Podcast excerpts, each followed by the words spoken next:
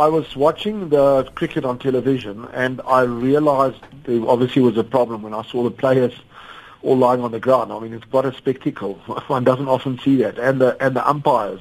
But, you know, I assumed that it was under control. But when I saw the chap coming out with a fire extinguisher and dissipate, trying to dissipate the bees using that, then I realized they didn't really have uh, a proper plan of action. Hoe het jy dit reg gekry om deur al daai verkeer te kom, deur al die sekuriteit by Wanderers te kom om uiteindelik op die veld te kom? I just grabbed one of the metro guys and said that it's an emergency and he should please escort me into the grounds. And I think they sort of realized my determination. I didn't ask them, I told them. And they, they pretty much took me right into, uh, right down Oxford. And then at the bottom of Oxford, I was able to speak to the lodge security people. Some of the lodge guys walked in front of the car and cleared the crowd. So I got right into the stadium uh, and right into the, um, uh, almost on the field. I think it was about seven minutes from the top of Corlett Drive until the time that I walked onto the field. So it was pretty fast.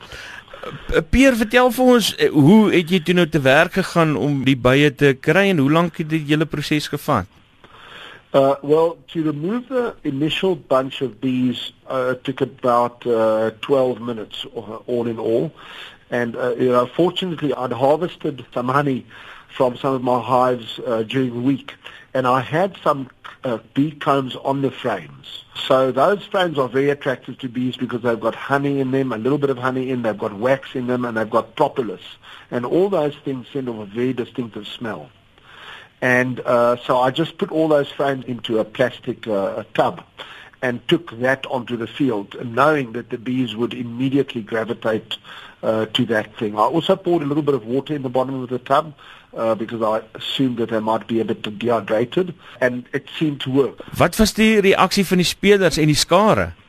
Well, the crowd was incredible. I mean, uh, I, I didn't really consider the reaction, you know, when I got to the grounds. But when I ran onto the ground, a crowd erupted. It was uh, a little bit intimidating, I must be honest. And then for the very first time, I thought to myself, what will happen if I can't capture the swarm? so vir afsluiting wil jy nie vir ons verduidelik wat behoort mense te doen wanneer hulle deur 'n swerm bye as wat hulle as bedreig beskou word? If you feel under attack from bees, uh, you shouldn't wave your hands around or, or, or run or jump into water or all those sort of things that one almost instinctively thinks of doing. You should just try and walk at a reasonable pace uh, in a straight line, preferably with your face into the wind.